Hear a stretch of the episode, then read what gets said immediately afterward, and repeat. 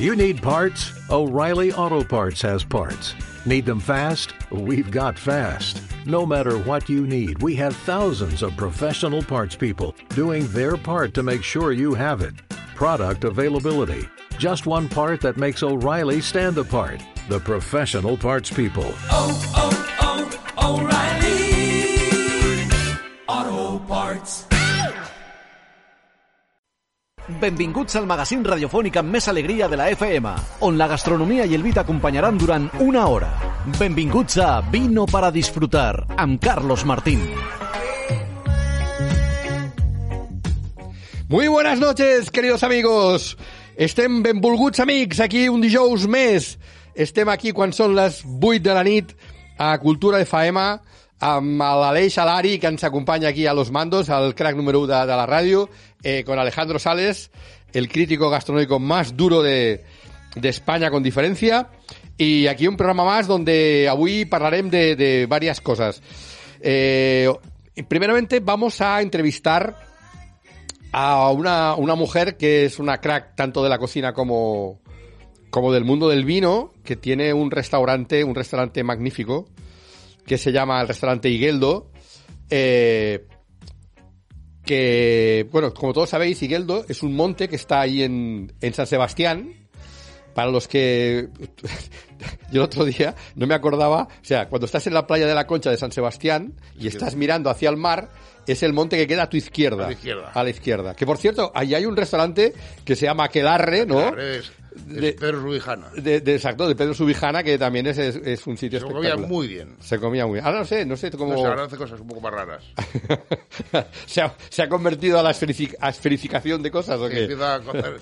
Y mira que era bueno, ¿eh? Y Sí, yo sí, sí. muchas veces. Bueno, pero no hablemos de eso. No, Vamos a hablar de... De, De Ana que- de, Ana López. que realmente sí sabe lo que es cocinar, porque aparte está...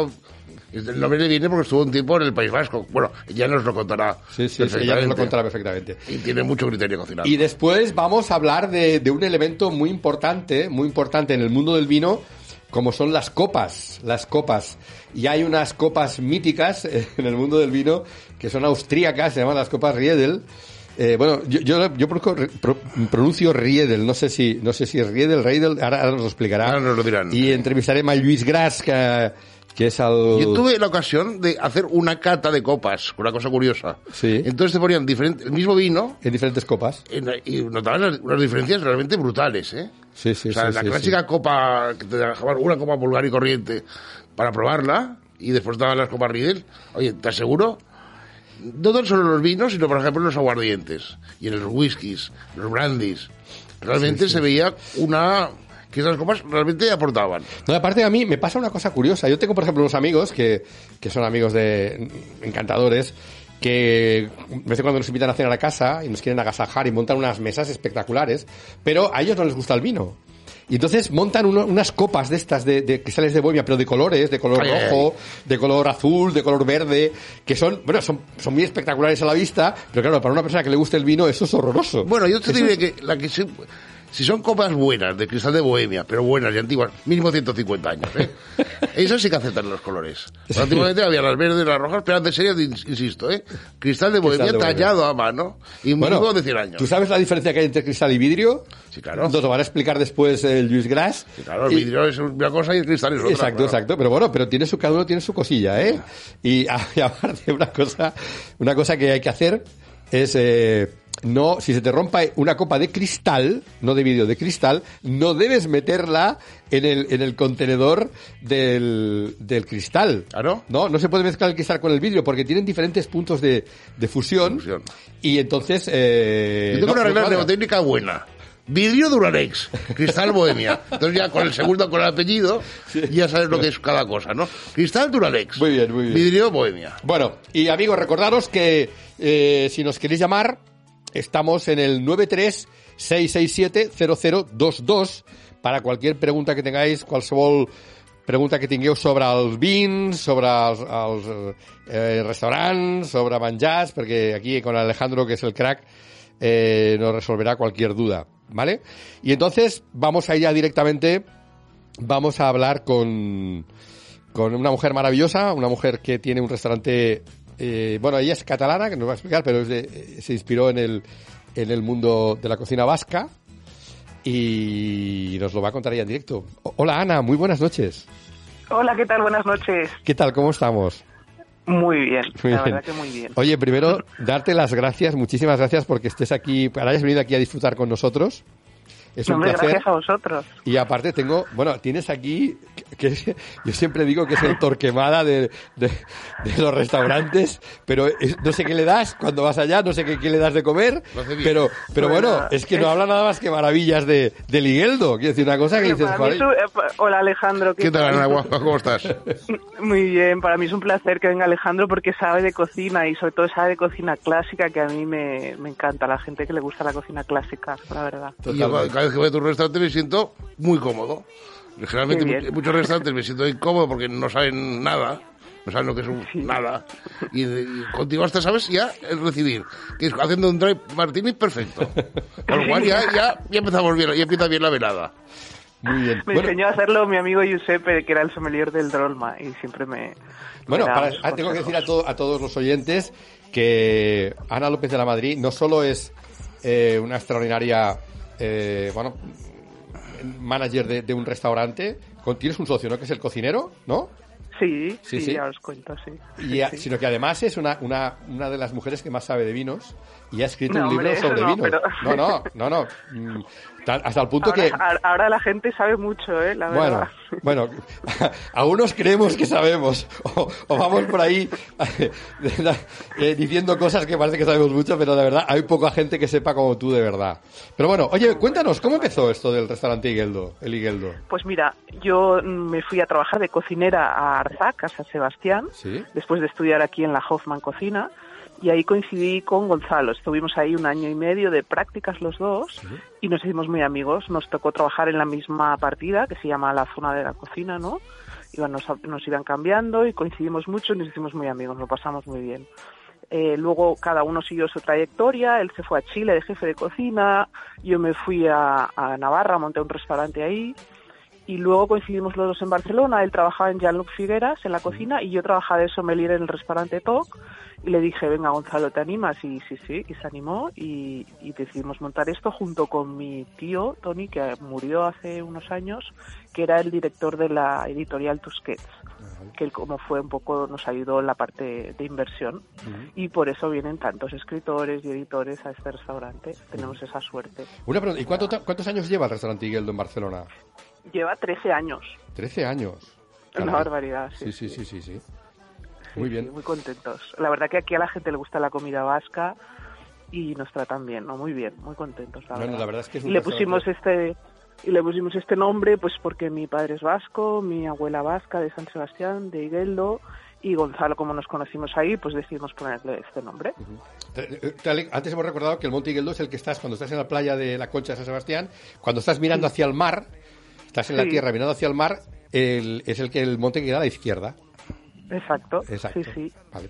Óyeme, mira, sí. yo quiero hablar contigo una cosa porque la, la comentamos el otro día, pero yo quiero, quiero que pase rápido porque, porque cuanto antes nos lo quitemos encima mejor. Pero bueno, eh, hay una, una, ya sé que todo el mundo habla del coronavirus y de todas estas cosas y tal, y a mí lo que me sorprendió es que vosotros habéis dado un paso adelante tremendo para que la gente pueda ir tranquila a vuestro restaurante. Cu- cuéntanos qué medidas habéis tomado. Sí, pues nos estamos adelantando un poco porque creo que vienen dos o tres meses un poco pesados. Yo creo que al final espero que se acabe resolviendo, pero sí que es verdad que van a haber dos o tres meses con mucha psicosis. Entonces lo que hemos hecho es eh, purificar el aire. Hemos comprado unas máquinas de purificación de aire. eh, hay dispensadores de gel de manos por todos lados. Estamos cambiando las servilletas de tela por servilletas de tela, pero de usar y tirar.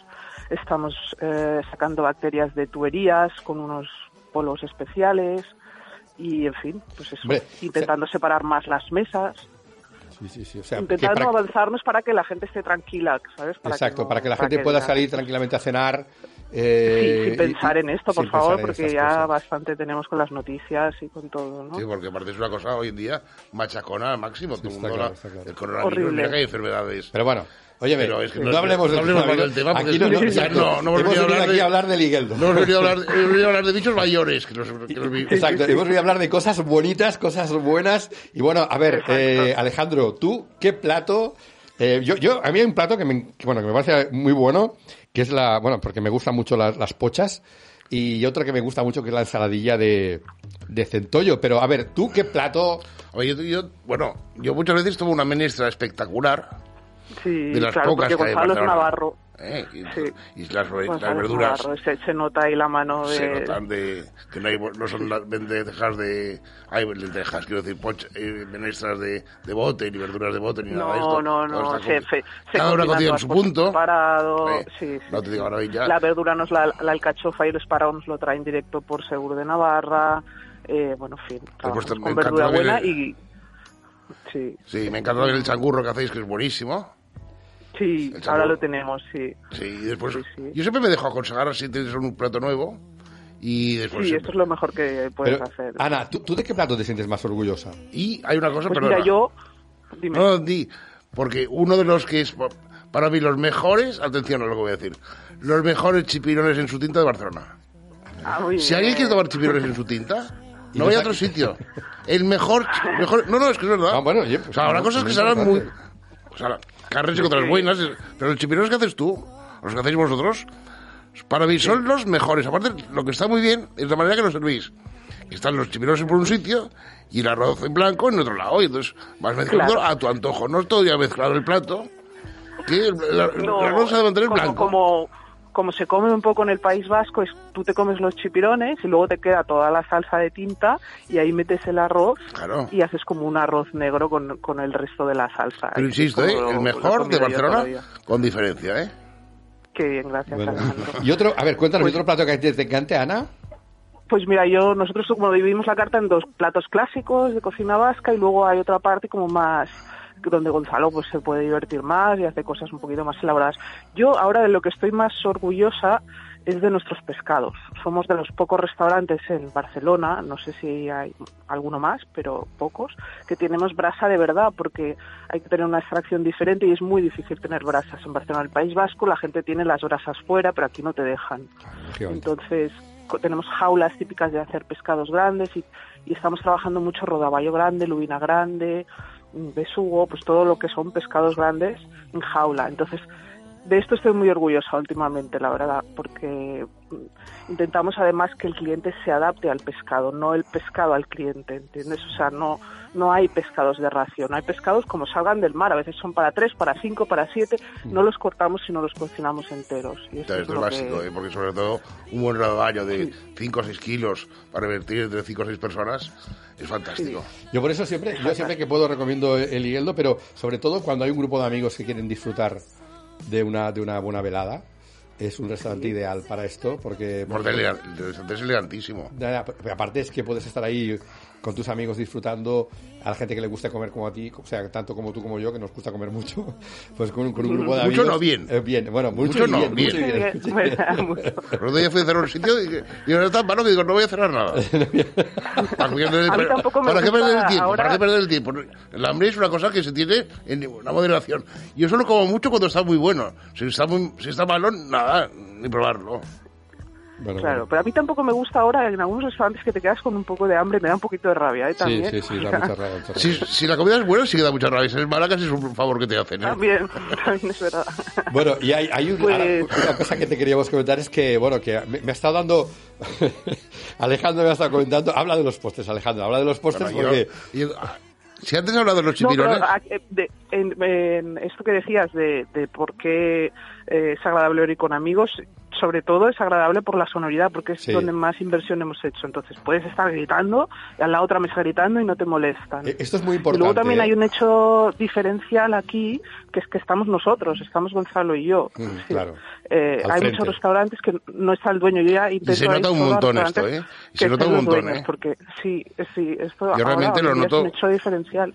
Sí, sí. No, eso, Ana, yo quiero recalcar eso que has dicho, eh, porque a mí me molesta muchísimo el ruido en los restaurantes. Sobre todo porque Sí. cuando habla todo el mundo a la vez, es que eso- hay, hay restaurantes que, que no, han, no han cuidado el tema de la, de la, de la insonorización y resulta que rebota las ondas y, y- y Sí, sí. estás ahí comiendo y estás con un cabezón y dices, macho, esto es horroroso. Que realmente, claro, es que es difícil y es, es muy costoso, cuesta mucho dinero insonorizar un local, pero Exacto, es que exacto. realmente vale la pena porque... Si son estos pequeños detalles, que en el fondo son los grandes detalles Claro, que te hacen estar bien. Que te hacen estar bien. Sí, Porque hay sitios que, quieres parece que, dedicar, que se pues, podrán a- comer a muy bien. comer a- Sí. Habrá sitios que se podrán comer bien, porque Sí. los hay, pero no se puede estar porque hay un ruido tremendo. Entonces, llega un momento que dices, me voy porque es que no aguanto más, ¿no? Sí, sí, sí, el vuestro y Y es- sales como, y sales crispado y Sí, de mal humor, verdad. ¿no? Exacto, o sea, exacto. tú sabes por qué. No, pues, pues, yo ya digo, siempre que hemos, que hemos hablado de estos temas con amigos y demás, yo ya digo, recomiendo vuestro restaurante El Ligueldo, que está en la calle Rosellón. ¿En qué número exactamente? es 186, Exacto, entre 186. Enrique Granados y Balmes. Entre Enrique Granados y Balmes. Y bueno, y es Sí. un restaurante magnífico. Pero bueno, volvamos al, al, a la postre. comida, al postre. A ver, Yo, mira, antes hablaba de los chipirones como un plato Sí. espectacular, pero yo creo que tenéis el mejor postre de Barcelona también, que es el suflé de frío de de queso. queso. el suflé de queso, que hacéis dulce, con el helado de frambuesa al lado, me parece... Bueno, es un clásico, Bueno, ¿no? De... Yo no, normalmente en los restaurantes no acostumbro a pedir postre, o si lo pido es para compartir con alguien, pues tomar... Este me niego a compartirlo con nadie. Este para mí solito. Bien. Y no lo comparto, o sea, es decir, ¿no lo compartimos? No. No se puede, no se puede. No se puede. Sí, sí, hay gente que viene incluso y me pide, oye, ¿puedo sentarme solo a comer el soufflé? Y se, y se le- están cinco minutos, comen el soufflé y se van. No me extraña. Realmente aconsejo encarecidamente a quien vaya a Nigueldo que, entre otras cosas, no deje de probar este postre que es algo fuera de serie. Sí, Muy bien, muy bien. contentos. Los Oye, otros, me- fíjate, los otros postres, que supongo serán muy buenos los que tienes, es que n- después de haber probado este ya no quiero probar nada más. Es decir, ¿para qué? Ya, cuando hay algo que te gusta, para que Claro, yo para... lo pienso igual. Sí, los inventos, los experimentos con gaseosa. Exacto. Exacto. Bueno, oye, me cuéntanos alguna anécdota. que- Oye, porque yo tengo entendido que ha- habéis tenido muchísimos personajes importantes que han desfilado por, Tenemos. por vuestro Tenemos restaurante, aquí ¿no? un público de super lujo, porque es un público como muy intelectual y a mí, no sé, y muy educado y me, me gusta muchísimo. La verdad, tengo mucha suerte. Han venido escritores como García Márquez, Paul Auster, El de Mafalda, Murakami. Han venido cantantes como Silvio Rodríguez o Serrat, actores como Antonio de la Torre, no sé, mucha gente. Y anécdotas, pues por ejemplo, vino Ferran Adrià a comer un chuletón con su mujer y me puse muy nerviosa. Normalmente no me pongo nerviosa, no me he puesto nerviosa con nadie, ni con el, con el rey, no sé, con nadie me he puesto nerviosa. Pero con Ferran Adrià me puse muy nerviosa y abrí una botella de champán y se la tiré encima de la mujer. Se me cayó todo, salió todo el champán disparado. Y también me pasó lo mismo con una vez que vino Nichel con su mujer y también se me disparó el champán y se me cayó encima de la mujer y yo decía, pero bueno, me quería morir, pero bueno. Y aparte, oye, veo que tenéis cartas dedicadas. Yo tengo una de Juan Marsé, pero había cartas dedicadas de todos estos personajes. Te dedican, te han dedicado una carta, un menú a- Sí, sí, al restaurante. ¿no? Siempre pedimos que siempre pedimos que nos dediquen una carta y, y lo tenemos ahí, la verdad que, que muy contentos, muy bien. Y aparte, una cosa también importante es que a mediodía tenéis un menú, ¿no? A mediodía hacemos una fórmula de mediodía, que es un primero, un segundo, una copa de vino y, y ya está, y vale 26 euros a dos. Y muy contenta, bien. Son platos de carta, no son platos de menú, sin tantos, que es que sea comer un Ah, poco vale, más vale. barato al mediodía, pero no no es un- no son platos de menú propiamente. Vale, vale, perfecto. Bueno, y ahora que, claro, este, este programa es vino para disfrutar, eh, quiero... Perdona, que Alejandro quiere hacer quiere Sí. hacer una pregunta. Mira, yo es el único restaurante en el mundo que voy Sí. que el vino no lo pido yo. No es más, no quiero ver la carta de vinos. Mira, yo creo que lo he visto hoy por primera vez que lo has traído tú. Ana, ¿qué vino me aconsejas? Jamás he tomado un vino que me haya defraudado nada. Unos vinos sensacionales y aparte, siempre cosas, novedades. No, no, vas a dar un cune, por decir algo que es muy bueno, pero este ya lo conocemos. Siempre estás ofreciendo cosas realmente buenísimas y, y encima diré una cosa, unos precios muy interesantes. No vas a pegarle la sacada. Claro, porque ofrecer un vino. Dices, no, te aconsejo este vino. 184 No, euros. Vale, pues, gracias, gracias por el consejo, ¿no? No, no, al contrario. Siempre he salido disfrutando No, con los vinos. Gracias a ti he probado muchos vinos que sigo tomando. El Castro mu- el Espigo. O sea, son vinos que los sigo comprando gracias a que un día me los dices tú a probar. Sí, sí, sí, hombre, ese es mi trabajo, porque ya para ir a un restaurante y tomarte el vino que te compras en cualquier lado, pues, pues, pues para eso no te quedas en tu casa, ¿no? Entonces, me gusta Bueno. muchísimo esta parte de mi trabajo porque es como muy de psicología, entender el cliente con quién estás tratando, si es más clásico, más moderno, si es clásico pero le apetece probar cosas diferentes, si se quieren gastar un poco más de dinero o muy barato, ¿sabes? Y, y es una parte muy divertida de, de mi. Esa mi es una cosa, una cosa que quería, quería incidir en ello. O sea, tú cuando alguien te dice, recomiéndanos el vino, evidentemente, me imagino, no sé, ahora nos lo vas a contar, pero intentarás mirar lo que ha pedido, ¿no? O, o cómo, cómo, cómo haces esa... Sí, esa... intento, intento mirar, la- o sea, el maridaje, ¿no? Lo que Sí. han pedido de comer, pero también, sobre todo, es psicología, es decir, que, pues cono- voy conociendo cada vez a mis clientes cada vez más y ya es que les- los entiendo perfectamente y entiendo bien el vino que les gusta. No hace falta ni que me digan nada, ¿sabes? Incluso si a veces vienen con familia o por trabajo, les pongo un vino u otro, o es que quieren quedar bien porque traen un cliente de fuera, o, ¿sabes? Entonces, cada situación, pues cambias según la situación un vino u otro. y a ti personalmente, ¿qué tipo de vinos te gustan? ¿Te gustan vinos...?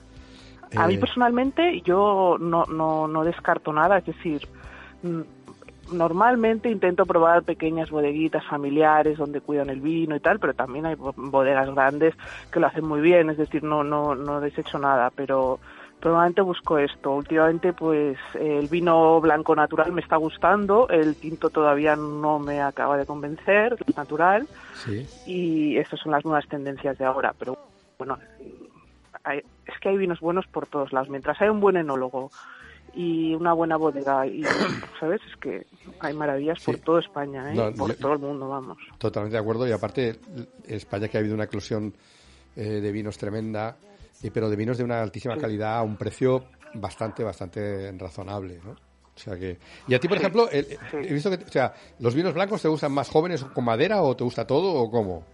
Depende de para qué, o sea, si estoy tomando carne y es verano y no me apetece un tinto porque hace demasiado calor, pues tomaría Sí. un blanco con madera, pero en invierno pues igual me tomo un tinto con bastante madera. Depende de la época del año, de lo que, ¿sabes? A ver, sí, que ahora, por ejemplo, imagínate, por ejemplo, que vamos Alejandro y yo a tu restaurante y pedimos un Sí. chuletón a la brasa. Vale. Eh, ¿Tú qué nos recomendarías? ¿Qué vino nos recomendarías? Hoy, ¿eh? No digas ninguno de los que te he dicho, ¿eh? Ni el, ni la- ni- ni el espigo ni Pues el mira, a vosotros, a vosotros, hoy os recomendaría un Macán. Un Macán. Ah, bueno, este es el de Vega Hombre, Sicilia. el de Vega Sicilia. Eh. No está mal, no Este está es mal. el que hace Vega Sicilia en, Bueno, en en Rioja, Rioja, pero no, no es, no es caro, ¿eh? ¿No? Te asusta No, lo de Vega no. Sicilia, pero no, no es un vino caro. No, O es sea, un gran vino, eh, que es un gran para vino, sí. vosotros dos yo creo que, que, que os pega mucho. Bueno, pues venga, abriremos un... si viniera alguien con un poco menos de presupuesto y también se pide un chuletón, pues le, pues le recomendaría, por ejemplo, un finca al curvado de Raúl Pérez. Finca el Curvado. Esto, esto- esto sí que es una gran novedad. Porque yo el que Macari lo, le- lo conocía. Este nunca he oído hablar. Quiero probar este. El finca al curvado. Sí, Sí. quiero probarlo. Porque... ¿Finca el Curvado de, de, de la qué bodega? Es, eh, el- eh, la bodega se llama Finca al Curvado, ¿Sí? creo. Es, es Raúl Pérez, el enólogo, que es un, es un señor que... ¿Y dónde es verdad, vino? Un montón. De Ribeira Sacra. Ah, Es este, Alejandro, yo sé ¿eh? que te gustaría. Mucho. Pero bueno, si estás de celebración o tal, pues ya, pues un No, pero ya lo conozco el Bacari, ya lo conozco. Y Vale, ¿Con, entonces con cuánto vale este? Este. Guarda un Bueno, par de botellas para esta Y, noche. y si, y si- y si vamos ahí con unos amigos y sacas un atún de estos que tienes mara- maravilloso, un, un pedazo de atún entero, Sí. ¿eso qué, qué vino nos, nos, nos recomendarías? ahí? Pues mira, el atún, el atún nosotros lo maceramos un par de días con grasa de chuleta. Ujú. Entonces, pues no es como un atún normal, es un poquito más graso, con lo cual yo este lo recomendaría con algo de burbuja. Eh, por ejemplo, un champán rosado. Si hay presupuesto, un Vilecar salmón rosado. Si hay menos presupuesto, pues un Denit de Raventós, que está el rosado, que está maravilloso también. Que limpia un poco la grasa del atún y le va de maravilla. Muy bien, muy bien, muy bien, perfecto, perfecto. Bueno, a ver, eh, aprovechando que estás aquí de vinos, yo siempre que entrevisto a gente de vinos, Sí. eh, les pido que tienen tiendas, les pido que al final nos den, o sea, ya, ya lo has hecho ahora, pero ahora lo has intentado maridar, pero yo te pediría que nos recomendaras dos vinos en general, uno blanco y uno tinto, que tú consideres que hoy en día tiene una relación calidad-precio Bueno, realmente esto sí, buena. que no sea un vino de... de- mira, casi te diría por menos de 10 o 12 euros. Hombre, va, 10, alrededor de 10, Diez, venga, sí. va. Vale. ¿Qué nos recomendarías? Eh, Más o no, menos. No, no es precio de restaurante, ¿eh? precio de bodega, ¿eh? de, de una, Vale. una tienda de licores que Eh, puedes pues comprarlo. por ejemplo, por ejemplo, en blanco yo os recomendaría la rumbera. ¿Ves? Fantástico, La, nunca he oído la rumbera es un vino, una panza blanca de Aleya, que lo hace un elaborador que se llama Oriola Artigas. es natural, es, tiene un aire que te puede recordar a la sidra por, porque está sin filtrar y es adictivo, o sea, es que no te lo puedes creer. Quieres otra botella, otra, o sea, descubres este vino y no puedes parar de beberlo. Hombre, oye, muy bueno esto. ¿Y dónde lo podemos encontrar este? Pues eso ya sé que... Hombre, vamos a cualquier tienda de buscar. estos. No lo Pues sé. no te creas, que La nuestros verdad es que vinos no no se sé. encuentran tan fácilmente. ¿eh? Lo buscaremos, lo buscaremos. Este yo creo que, este no, no debe ser tan difícil. Eh, miras en internet y seguro que... La que te lo rumera, pone, buscaremos. pero- Sí, sí. Y ahora recomiéndanos un Y el tinto. tinto, yo os recomiendo Hodgkinson. Hodgkinson es un vino tinto del Priorato que hace un enólogo chileno y vinifica el vino como si él estuviera en Chile, que en Chile los vinos se hacen más redonditos, no con, no con tanta potencia como el Priorato. Es decir, está usando todas las cosas buenas que tiene el Priorato, tanto la tierra como la uva, pero lo hace más redondito el vino y es una maravilla. Bueno, Y bueno. este es difícil de encontrar porque es una bodega que está empezando, pero lo venden en, en Casa Pepe, por ejemplo, Sí. y, en, y en Idílica. Pero es una maravilla, lo recomiendo muchísimo. Nosotros, muchísimo. en Y al tanto con esta bodega que va a pegar fuerte, yo creo. Casa Pepe va a venir en, en los próximos días a, a Ah, disfrutar bien. con nosotros y Idílica ya ha venido. Idílica con Idílica ya hemos tenido, ya hablamos con él Pues y es una tienda, sitios una tienda fantástica. sí, Sí, sí, y son muy majos también. Y Casa Pepe pues sabe un montón. la Claro, verdad claro que sí, claro que sí. Óyeme, eh, Ana, eh, muchísimas gracias. Es que se nos, se nos va el tiempo. Muchísimas gracias. ¿Quieres añadir alguna cosa más? ¿Quieres que contarnos algún No, punto no, más? la verdad que no, daros las gracias porque por darme la oportunidad de estar aquí con Alejandro y contigo y, y encantadísima, la verdad. Bueno, pues y que oye. nada, que cuando vengáis, pues aquí estaré. Perfecto, seguro, seguro Genial. que iremos pronto. Yo sí que añadiré alguna Vale. cosa. Ya que es un programa de radio, Sí, sí. digo, así a través de las ondas, el que no lo conozca, que vaya ya. Sí, claro. Que, bueno, si le guste comer, sí. ¿eh? No, o sea, zapabollos no. Zapabollos no, Si- no si te gusta comer en ningún sitio. si te gusta comer de verdad, Pero sí. gente que le guste comer y no conozca el hielo, está perdiendo el tiempo. Totalmente de acuerdo, totalmente de acuerdo. Pues Ana, oye, Muchas un beso gracias, muy grande, muchísimas gracias y no te preocupes que nos a veremos muy pronto. Gracias, Ana. Vale, genial. Muy bien. A vosotros, adiós. Adiós, pronto. adiós. Bueno, queridos amigos, acabamos de entrevistar a Ana López del restaurante Igueldo, restaurante que recomendamos a, a tope. Y mientras tanto, vamos a poner un poquito de música. Aleix nos va a poner un poquito de música. Hay una, una canción que se puso de moda, la lanzaron en el 2013, pero es del, del, del 2014 la canción, y se llama eh, Happy. Este, esta canción es de un americano que se llama Pharrell Williams, y llegó al número uno en el 2014. Eh, siempre busco canciones donde haya cosechas excelentes de, de vino. Y entonces en el Bierzo, precisamente en el Bierzo, que, cerca de la Ribera Sacra, en el Bierzo, en el 2014 fue una cosecha excelente. No solo ese año, sino el 14, 15 y 16 en el Bierzo fue una cosecha excelente. Y entonces vamos a poner esta música de Pharrell Williams que todo el mundo conoce.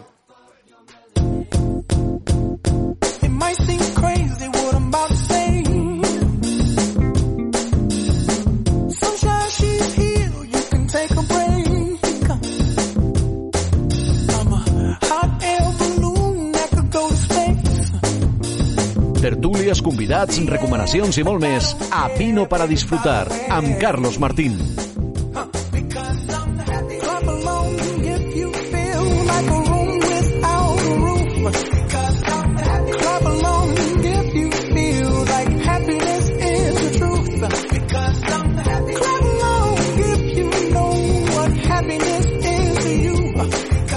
Cada dijous de 20 a 21 hores a Cultura FM. Vino para disfrutar amb Carlos Martín.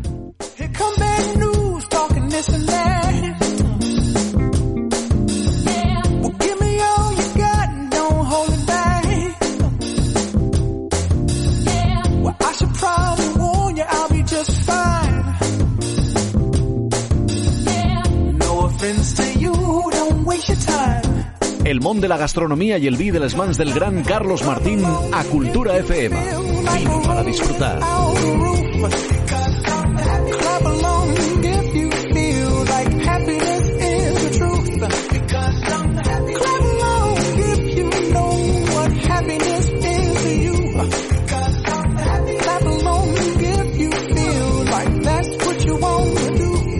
Cada dijous de 20 a 21 hores, el vi el teu millor amic Vino para disfrutar amb Carlos Martín. Bring me down, can't none bring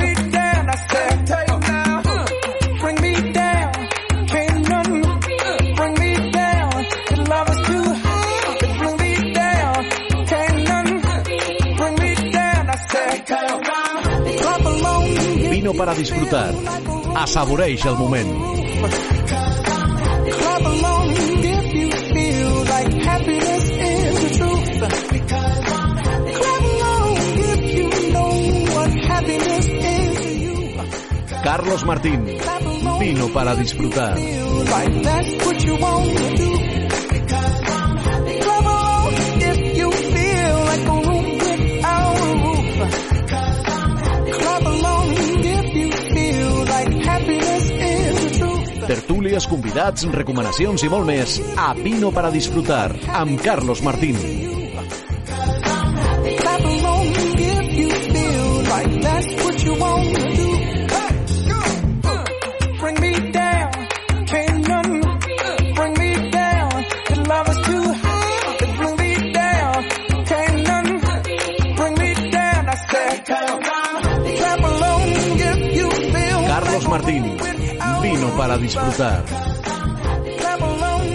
You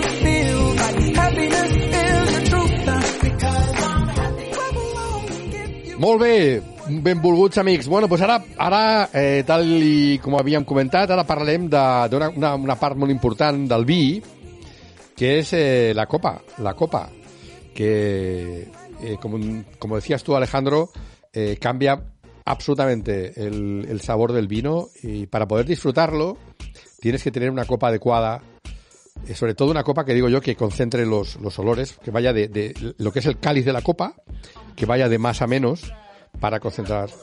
¿Sí? Claro, la forma, la forma tremenda. es muy Pero bueno, pero tú y yo no somos, hablar. tú y yo somos, más. somos, exacto, somos unos simples aficionados i ara el que vamos a hacer vas a, vamos a veure con una persona que en sap moltíssim de tot aquest món del, del vidre, del cristall, de, de tot això. I no és, mm, és, una persona que es diu Lluís Gras. Eh, Lluís, molt bona nit. Bona nit, bona nit a tothom. Què tal, com estàs? Bé, aquí, eh, desitjant explicar-vos coses. Escolta, primer, donar-te les gràcies que, que hagis vingut aquí a disfrutar amb nosaltres a, a aquest programa, Mm. que parlem fonamentalment de vins i de gastronomia i de coses d'aquestes, i una cosa, un element que és clau en aquest, en aquest, en aquest tema és el, són les copes, les copes de vi, no? Eh, llavors, tu, tu, ets, tu representes eh, una de les... Bueno, una cosa que és un mític dintre del món del, del vi, que són les famoses copes eh, Riedel. Eh, per, primera pregunta, es diu Riedel? O Riedel, Sí, com eh, es diu? Com es pronuncia? Bueno, la, la pronunciació la, la diem eh, com a Riedel. No, Riedel. no, no, no diem Riedel, no, Riedel. Riedel, Riedel, perfecte, Sí. perfecte.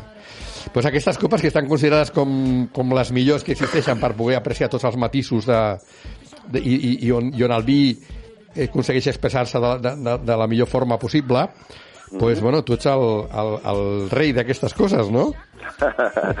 Bé, tenim el qualificatiu de- d'estar de, considerada la copa més tècnica del món, Sí. perquè tot això, eh, eh, això no perquè ho digui jo, sinó perquè a nivell de Robert Parker, dels gurús eh, d'aquest món i de, de nivell gastronòmic, a nivell dels cellers, pues, eh, això va ser així, ser aquesta consideració, degut a que el senyor Klaus Joseph Riedel va ser el que es va donar compte de l'influència de, del cristall eh, a l'hora de que siguin les parets més primes o més gruixudes i a l'hora de que la forma de la copa la canviem i l'adaptem a la varietat de cada, de cada vi i va descobrir-ho i es va rodejar dels millors sommeliers i anòlegs d'aquella època, als anys 1958 i 1960, i va començar a fer tot un treball que ha arribat fins avui en dia i que ens ha permès gaudir al màxim de cada varietat de, del vi.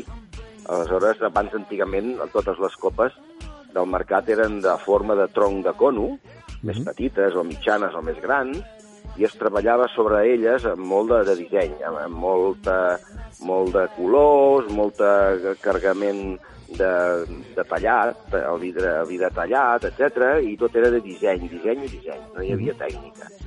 I ell va començar a canviar la forma de la copa de tronc de cono cap a formes més arrodonides i més estirades, fins a arribar als models que tenim actualment nosaltres avui, i adaptant a cada copa a cada varietat, perquè cada varietat ens dona una acidesa, una astringència i un paladar i un nas, i cada forma està pensada perquè treguis el màxim de profit de cada varietat. Molt bé. Bueno, ara s'explicaràs les diferències. Eh, una, una pregunta. La primera diferència important. Quina diferència hi ha entre el cristall i el vidre? Doncs mira, els components, la composició. El cristall és sodi, potassi, sílice i quars. Antigament hi posaven plom, òxid de plom, però fa 3 anys que es va eliminar, no perquè fos dolent per la salut, perquè quan es fon a 1.400-1.500 graus de temperatura amb el sodi, potassi, sílice i quars, el plom queda integrat, no, no migra, no, tu no te'l pots empassar, però sí que era un problema a nivell ecològic, a nivell de reciclatge. A Alemanya i Àustria, on estem principalment, doncs era un problema de, de dificultat amb el reciclatge i el plom el van prohibir i ara fa 3 anys ja que, que hem substituït el plom per quarts de primera qualitat o quarts normal. Eh? Però els, els materials base del vidre doncs no són aquests i, i, i, i poc de quarts té i en canvi el sodi, potassi, sílice i quarts de, del cristall ens dona una, una, unes característiques que oxigena més el vi i ens transmet més del vi. O sigui, l'important és el cristall de Bohèmia, no? És el, Sí. el punt més important. Hem de recordar que, que Bohèmia és una regió que, que fa molts anys, eh, el 1756, eh, bueno, quan es va fundar Sí. la, aquesta empresa, eh, pertencia a l'imperi austrohúngaro, amb la qual no està, però ara, ara està en la regió, bueno, ara Bohèmia està en la regió de, de, de Txèquia, no? Em sembla? Eslovàquia, no? Bueno, és que Txèquia. l'antiga Bohèmia, Txecoslovàquia, Sí, sí, sí. Eh, això va ser els inicis de Riedel, Sí. el 1756, Sí, i ara és la onzena generació, però aquí el que va passar és que després de la Segona Guerra Mundial, el senyor Riedel va perdre les seves pertenences a Txecoslovàquia, a Bohèmia, Sí. el govern txec va nacionalitzar les fàbriques i va perdre les seves pertenences i va tenir que marxar cap a Àustria, a Kufstein, on estem ara, i formar una fàbrica nova i començar de zero. està clar. Vull dir que els orígens sí que són a Bohèmia i Txecoslovàquia durant molts anys i fins a la Segona Guerra Mundial, que és, que és la cuna dels materials. Per, Està clar, per això estan allà la majoria dels fabricants. No? Però una, una pregunta, una pregunta. A veure, què, perquè hi ha una cosa que tothom, els, els, els gurus que parlen tal, què és una copa soplada? Què vol dir això? Una copa soplada és la que partim del cristall líquid Sí. i amb una canya llarga eh, bufem aquest cristall líquid contra un motllo Sí? Eh, on li donem la forma d'una de les dels models, un model de, de Riedel, per exemple, la Cabernet, Sí? es, fa, es va formant bufant el cos de la Cabernet i després se li afegeix amb cristall líquid al, al peu i amb cristall líquid la base. Són tres fases de, de, del bufat que queda tot integrat en una sola peça després, quan es, quan es, es refreda. Mm. Eh, I perquè aquestes hi ha són... dues maneres de fabricar les copes, bufades a mà contra el motllo o fetes mecànicament a nivell industrial. Clar, i que això és la diferència important de, de la qualitat d'una copa, no? I de costos, Clar. sobretot de costos. O sigui, la màxima finura de les parets del cristall, que és el que es busca per, per excel·lència, es aconsegueix bufant. Després, si les vols sotmetre a un procés industrial de fabricació, per abaratar els costos, eh, has de reforçar una mica més les parets. No pots anar amb una paret tan fina de que se trencaria dintre del procés. Exacte. Bueno, llavors, eh, les diferències, tu has comentat abans de- d'una paraula que és la tècnica, no?, de, de, Sí. de, de les copes, no? I, i és això el que diferencia una copa eh, Riedel d'una altra? Sí, eh, principalment. Hi ha moltes copes al mercat que són, eh, mm, que són recipients per beure, perquè de l'ampolla ho passes a la copa, però no són eh, copes tècniques per gaudir al màxim de- d'aquell vi. Aleshores, Riedel, el que et diu, el missatge que et diu Riedel és que si obres un, no sé, un Cabernet Sauvignon, doncs utilitzis la copa Cabernet Sauvignon. Perquè jo he provat que aquí està millor que la copa Pinot Noir. Però si obres una ampolla d'un Pinot Noir, pren-te-la a la copa Pinot Noir, perquè si el serveixes a la copa Cabernet, veuràs que no funciona bé. Hi ha més acidesa, més astringència, no està tan rodó el vi, i tot això, per demostrar-ho, el que fem és fer Riedel Experience. El mateix vi, servit a la copa Cabernet, a la copa Pinot Noir i a la copa Riesling, per exemple, Sí? i tu tens tres vins ben diferents, molt diferents amb nas, molt diferents en, en boca, on l'astringència, l'acidesa, el salat, el llarg, el curt en boca, tot això canvia i tens una copa que te la rodoneix, que és la que t'aconsella Riedel. Una pregunta, i on podem, on podem gaudir d'aquesta experiència? D'aquesta experiència... Riedel, doncs, de, de, aquí a Barcelona ara hem obert precisament un espai que es diu Huito, que està al carrer Ganduixer número 22. Ganduixer número 22. Sí, una mica més amunt del Via Veneto, a 100 metres més amunt del Via Veneto, Sí. Ganduixer 22. És l'espai Huito, és el showroom que hem obert a Barcelona, on hi ha exposats tots els productes que importa eh, Euroselecció, com ara l'Escopa Riedel, el Coravin, el, el, les, els armaris d'Eurocav, de, de climatitzar els vins, i, i tenim una sala de, de tas per 24 persones, i hi ha una noia, que és la FIO, que es, atén al públic, perquè fem venda públic, i et fa una mini Riedel Experience, eh, o el que faci falta, amb un mateix vi en diferents copes perquè tu descobreixis. I després acabis comprant la copa del que tu més prens a casa teva, que aquella no et falti. Val? Està clar, està clar, sí, sí, sí, sí. Home, jo realment quan... Bueno, jo de quan en quan faig algun... dono algun curset de- d'iniciació al món del vi Sí, i llavors sempre explico a la gent... Bueno, faig una prova tècnica que és agafar un, un, un got normal de vi, o sigui, de- d'aigua, que és un got que és, que és un, un, un cilindre, no? que no, Sí. no, no, està, no, no tanca ni obre, no? Sí. i al costat una copa de vi, de veritat, Sí. i, i la gent li dic, mira, tu penses que això és, és que estem fent el fantasma i que la gent quan Sí. demanem una copa, de, una copa especial és perquè som molts pijos i, i fem el numeret i tal, però posa't tu mateix el vi amb una copa i amb el got i tasta-ho tu mateix i et donaràs la diferència. I tothom es queda, es queda, es queda molt sorprès de, Bocabadat. de, clar, bocabadat de, de la diferència que existeix tan enorme de, de tan gran de, de eh, tastar el vi amb un got normal a tastar amb una copa adequada eh, és que no té res a veure, en absolut. res a veure. I pe- pensa una cosa, eh? Pensa una cosa, que jo les Riedel Experience que, que faig doncs estan dirigides a les escoles d'hostaleria, sobretot, al CET, al Sant Ignasi, a la Hoffman, al, al, a la Joviat, a l'Escola de Girona, al Basc Culinari Center del País Basc, a tot arreu estem anant, inclús a l'escola pública, etc perquè els sommeliers, que són els que tenen que ser els que ens ajudin a la sala del restaurant després, o, o a les botigues especialitzades, els sommeliers, a, a, a, a, a part de saber de tots els vins del món i de les zones geogràfiques i de les varietats i tenir molta cultura del vi, els ensenyem a utilitzar bé la, la, les Riedel, perquè no desmereixi el vi, perquè tu el mateix vi, com has dit, el pots magnificar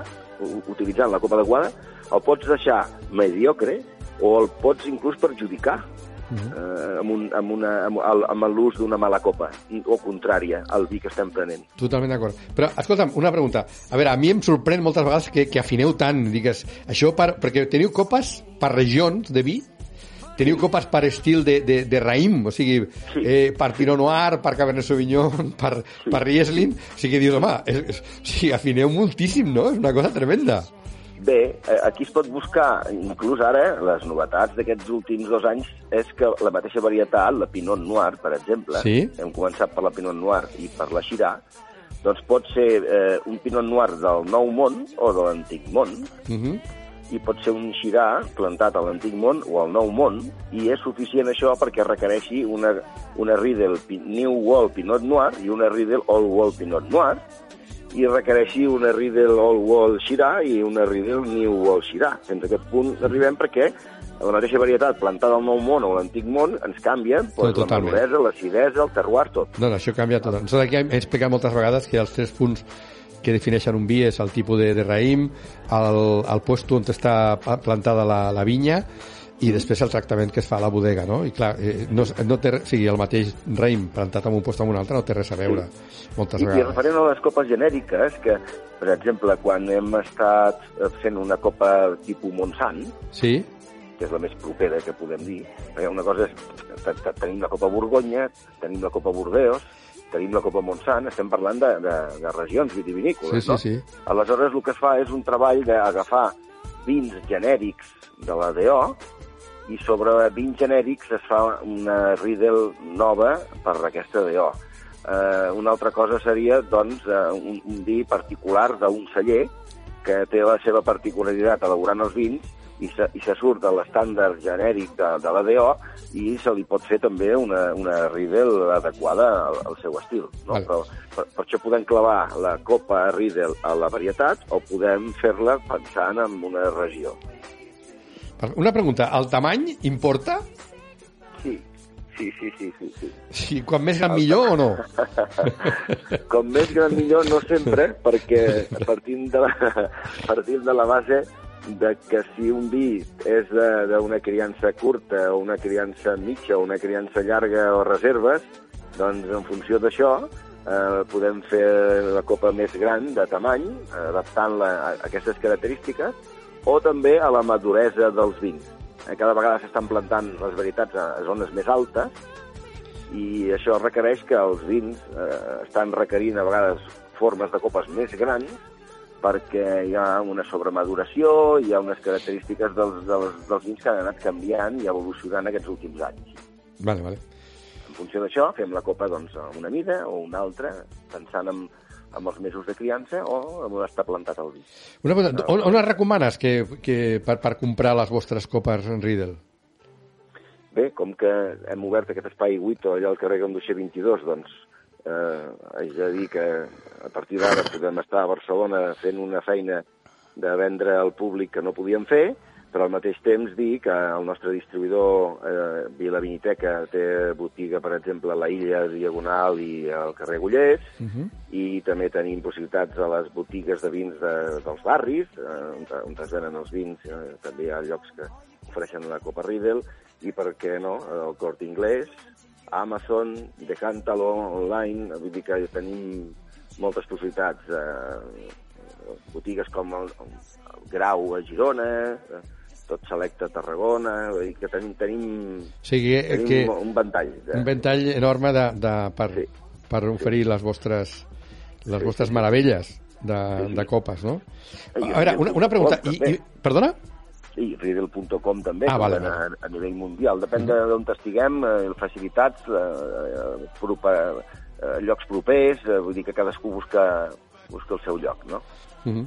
Una pregunta. Eh, evidentment que un, que un restaurant eh, tingui les vostres copes és un detall de- d'absoluta distinció, de- de- de- d'absoluta categoria. Eh, i sinònim de, de màxima qualitat, no? Llavors, perquè, a veure, a veure, home, les vostres copes eh, n'hi ha de, tot, de, tot, de tots preus, però, home, no són, clar, no es poden comparar amb, amb segons quines, i són una, una miqueta, segons punts, en segons quins moments, amb una miqueta més cares, no? Mm -hmm. I llavors, Bé, aquí digues, digues. Aquí tenim um, unes variables que ens fan trobar preus de Riedel molt diferents al mercat. I les variables serien si la volem de màxima qualitat bufada a mà Sí, i cristall de quars de primera, o si les volem fabricades mecànicament, ja reduïm molt els costos i el preu, en comptes de bufades a mà, i si les comprem fabricades mecànicament més econòmiques, també podem triar, escollir entre cristall normal i cristall de primera, i aquí et puc dir que des de 23 euros un pack de dos copes fins a 100 euros eh, una unitat. exacte. Hi ha un Sí, sí. ventall de preus Total. que varia en funció del que t'he dit, d'aquestes variables de bufades a mà o fetes mecànicament, cristall de quarts de primera, cristall de quarts normal. I quins són els restaurants més mm, emblemàtics que utilitzen les vostres copes?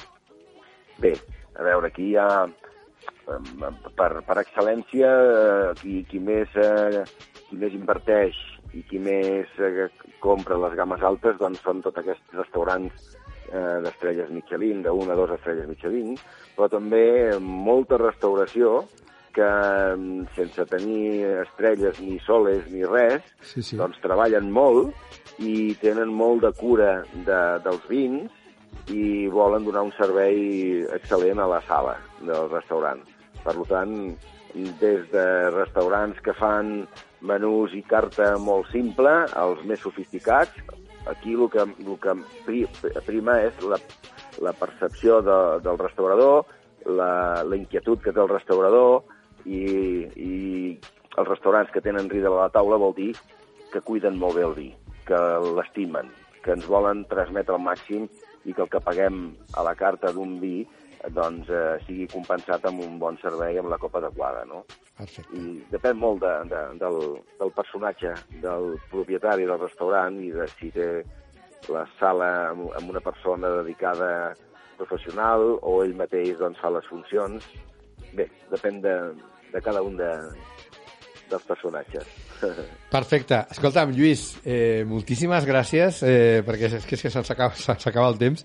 Molt bé. moltíssimes gràcies per, per vindre aquí a, per gaudir amb nosaltres, vino per a disfrutar, i, i aquesta lliçó que ens has donat, de, perquè ara sabem moltíssim més de, del per què d'una copa sí i una copa no, i de la qualitat eh, tan fantàstica de les vostres copes Riedel, i que hem d'anar aquí a Ganduixer, eh, número 22, a gaudir de l'experiència Riedel, per, mira, per, per provar, tastar el mateix vi en diferents copes i veure la, la importància de la copa. Perfecte. Escolta'm, doncs, doncs, una abraçada molt forta, moltíssimes gràcies i estem aquí a la vostra disposició per tot el que vulgueu. Tant de bo el missatge us hagi arribat a tots i, i visca el vi i visca Exacte, exacte. Una abraçada, Lluís, moltes, gràcies. gracias, Carles. Adéu, Perfecto, adéu, gracias. Pues queridos amigos, ya sabéis un- las mejores copas del mundo, las Riedel, las austríacas estas que de cristal de Bohemia, que son una pasada, una auténtica pasada para disfrutar del vino al máximo, ¿no? Y ahora que nos queda un momentito, eh, yo tengo una pregunta para ti, Alejandro, porque tú querías hablarnos al principio de, de algo muy importante que es el puré de patata, ¿no? Bueno, quería hablar de la patata. de la, de la La patata. patata que yo creo es una cosa, la aportación más importante que ha existido en Europa.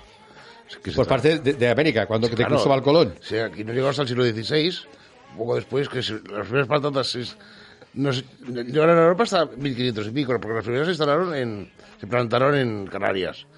Pero después ya llegaron a Europa, a- primero en Andalucía. Pero eh, esto es un tema largo, pero quizás hoy me referiré solo a un plato, que es el puré de patatas, que hay muchas maneras de hacerlo, desde Caray. los, desde los absurdos copos, que es re- cosa recurrida por muchas casas, que sale un pote de un cartón que sale unos extraños copos, que se convierte en un puré, bueno. o hacer un puré de patatas bien hecho, que es el que ya, que ya me hago yo, lógicamente no voy a hacerlo mal hecho, puré de patatas. Porque en el fondo es usar la patata adecuada, no puedes usar cualquier patata para hacer un puré ni mucho menos. La gente dice, patatas, no, patatas hay muchas variedades, cada una, unas son muy buenas para freír, otras son muy buenas para asar, otras son buenas para guisar, y otras son muy buenas para hacer el puré. ¿Cuáles son las buenas para hacer el puré? Pues la mejor patata para hacer el puré es la patata rat. Patata rat. Rat. Como rata, pero sin la A. Sí. Rat. No, no, si la A no, la A la lleva ra- ra- rat. Bueno, pero, pero no rata, rata. Se, escribe- se acaba con, con una E, rate se escribe. Rate, rate. Y se pronuncia rat. Rat, con o sea. R-A-T-E. T-T-E. Con dos Ts. R-A-T-T-E. La rat es una patata alargada, Sí. no muy grande, de, de, tendrá unos 8, 10 centí- 15 centímetros como mucho, y un grosor de unos 2 o 3 centímetros, es alargada, Sí. y esta es la patata perfecta. Entonces, ¿cómo se hace? La patata se da a hervir siempre lavada y con piel.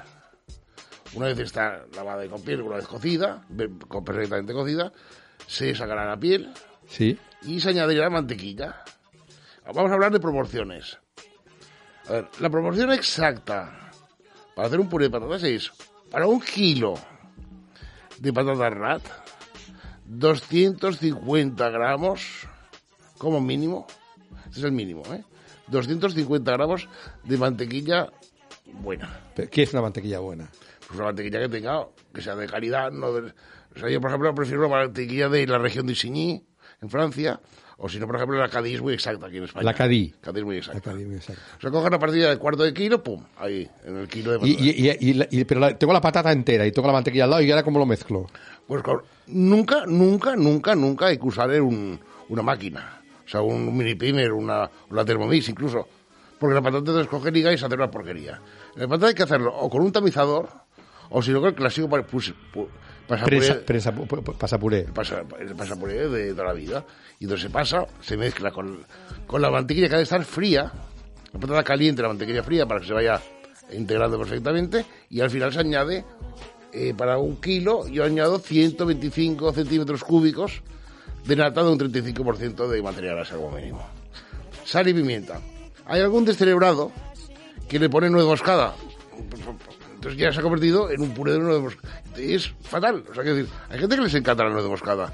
Pero el puré de patatas ha de ser una buena patata, de mantequilla de máxima calidad y crema de leche. Nunca usar máquina, nunca usar máquinas eléctricas para tal motivo, porque va a coger liga y se va a convertir en un chicle y, y pasarlo dos o tres veces por el pasapuré. O sea, una vez está hecho, se pasa una vez, Se vuelve a pasar otra vez, vuelve a pasar puré, hasta que queda Y le hemos dicho un kilo de patata, 250 gramos de mantequilla, 125 centímetros cúbicos de crema de leche. de crema de leche con un 35, me Mínimo un 35% de materia grasa. materia grasa. Y, entonces, y patata rat. Patata rat. La- ¿De qué color es la patata rat? ¿Es color la normal? patata rat es de color clarito, o sea, es un color de... todo lo veis, aunque también existe la rat roja. Pero para hacer puré ha de ser la beige. La. Esta receta, quiero decir, no es mía, esta, esta es el puré de patatas de. O sea, El famoso cocinero francés ya fallecido, Joël Rebuchon. que era el mejor pat- puré de patatas. Y una pregunta, ¿qué diferencia hay entre un puré de patata y un parmentier? No, no hay. Parmentier fue el señor que inventó el puré de patatas. Ah, ya. Era un señor francés de, que hizo, habló mucho de las patatas y, y uno de los el que eh, pensó hacer un puré con él se llamaba Parmentier.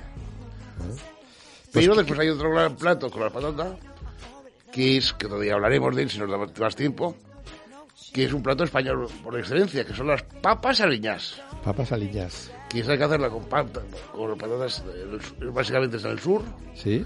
y entonces ahí, ya ahí se utiliza otro tipo de patata y, y es un plato de que la patata es muy importante la patata no es un, un tubérculo para darle poca importancia se han hecho miles de platos la patata puede llegar a su máximo apogeo con platos como el puré de patatas o las patas, las papas las famosas papas aliñadas bien hechas las patatas rellenas de caviar o sea las patatas a la importancia o sea, es decir, Bueno, pues hablaremos otros días, pero los, bueno. los ¿qué- tipos de corte para freír, ¿qué patata se utiliza para freír una patata? Para freír no se puede utilizar un- una patata rat ni una patata generic. No, hay que utilizar una pa- patata agria para freír. Patata agria. Para que se haga crujiente, si no... Y sobre todo es importantísimo.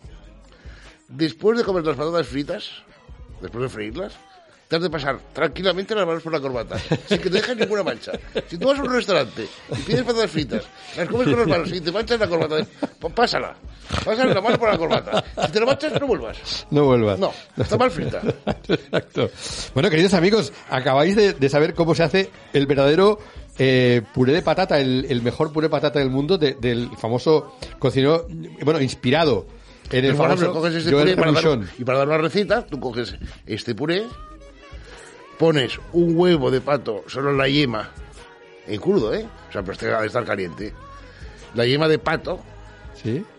en crudo encima, o si quieres, lo puedes cocer un poco, eh, hacer como una especie de un huevo mollet de, de pato y rallar trufa por encima. La combinación del, del huevo de pato con la trufa y el puré es una gran excelencia. Entonces estaríamos en un gran puré de, ya no sería un puré de acompañamiento para un roast beef, por ejemplo, sino un primer plato. Se puede añadir incluso unas colmenillas, o sea, Bueno, da mucho de sí. Alejandro, me está entrando un hambre, de verdad que... Sí, claro, a estas horas ya. Y a estas horas ya que esto no puede te, pero te no imaginas este puré bueno, cremoso, con el punto.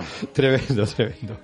Bueno, queridos amigos, eh, ya son las 20 y 56, bueno, 57 minutos de la noche y nos tenemos que ir. Muchísimas gracias a todos por estar aquí un día más con nosotros.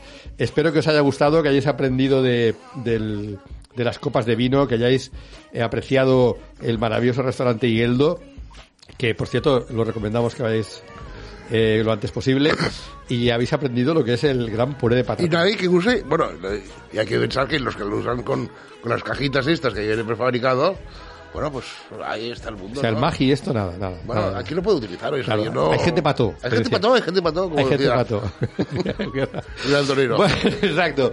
Pues queridos amigos, un abrazo muy fuerte. Muchísimas gracias por estar aquí un día más con nosotros y hasta el próximo jueves, eh, queridos amigos. Gracias. Nos vemos, hasta muy pronto.